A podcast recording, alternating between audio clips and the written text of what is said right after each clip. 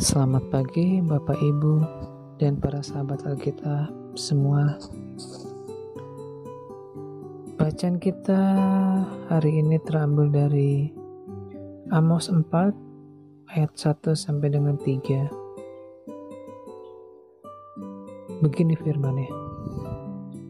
Dengarlah firman ini, hai lembu-lembu basan yang ada di Gunung Samaria, yang memeras orang lemah, yang menginjak orang miskin, yang mengatakan kepada tuan-tuanmu,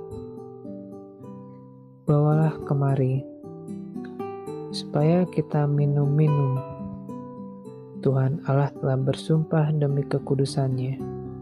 Sesungguhnya akan datang masanya bagimu bahwa kamu diangkat dengan kait dan yang tertinggal di antara kamu dengan kail ikan.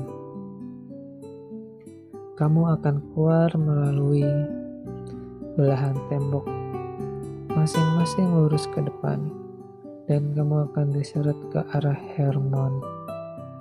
Demikianlah firman Tuhan pada pagi hari ini. Tema renungan kita saat ini adalah jangan mabuk kemewahan. Sebenarnya, tidak semua wanita memiliki sifat suka menuntut suami mereka menyediakan uang yang banyak untuk membeli apa pun yang mereka inginkan. Itu hanya ada di sinetron. Walaupun kenyataannya tidak sedikit para istri yang ikut menikmati kemewahan dari hasil pekerjaan suami mereka, mereka dapat membeli tas, baju, sepatu, alat kecantikan, dan kendaraan bermerek dengan harga selangit. Tinggal di rumah mewah dan jalan-jalan ke luar negeri.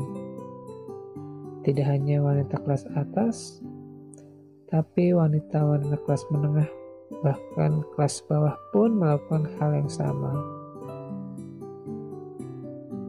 Menuntut suami mereka menghasilkan kekayaan, tidak peduli hasil itu didapat dengan cara bagaimana. Sekali lagi, tidak semua wanita melakukan hal ini. Dalam bacaan kita hari ini Amos 4 ayat 1 sampai dengan 3 menceritakan kebiasaan wanita-wanita Samaria yang selalu menuntut suami mereka menyediakan apa yang mereka inginkan. Wanita kalangan atas disebut lembu-lembu basan, yaitu ternak kanaan yang berketurunan murni dan diberi makanan cukup. Sementara para wanita ini minum anggur. Mereka mendesak suami mereka untuk mencari uang lebih banyak dengan menindas orang miskin supaya mereka dapat minum lebih banyak lagi dan bersenang-senang dalam keme kemewahan. Kelakuan mereka membuat Allah murka. Karena dampak perbuatan mereka membuat suami-suami mereka melakukan kejahatan dan penindasan kepada orang-orang miskin. Tuntutan mereka yang tinggi dan mewah membuat suami mereka melakukan berbagai cara untuk dapat memenuhinya. Sahabat Alkitab, apa yang terjadi pada wanita-wanita Samaria juga banyak terjadi di lingkungan kita saat ini.